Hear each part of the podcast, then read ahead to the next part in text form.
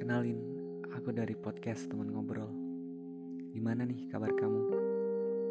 Bahagia atau mungkin ada yang sedih nih? Udah gak apa-apa, itu wajar kok.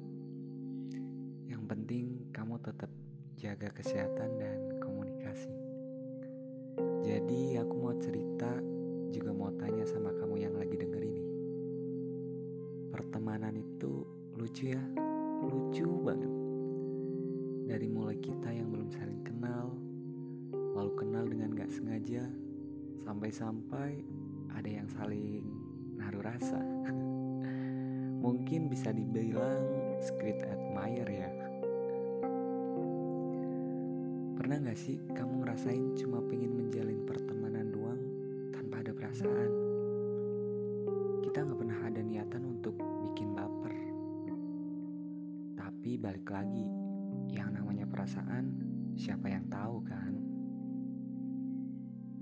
Kita mau jujur tapi takut nyakitin perasaan dia. Namun ketika kita pura-pura gak tahu, malah kita yang serba salah. Ya bukan mengamini manusia itu tempatnya salah sih. Tapi tetap aja kita tuh ada rasa yang ngeganjel gitu.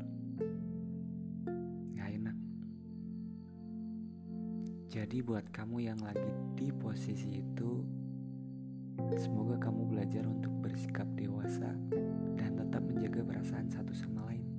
Ingat, jangan pernah mengorbankan perasaan salah satu dari kita, apalagi perasaan dia. Semangat ya!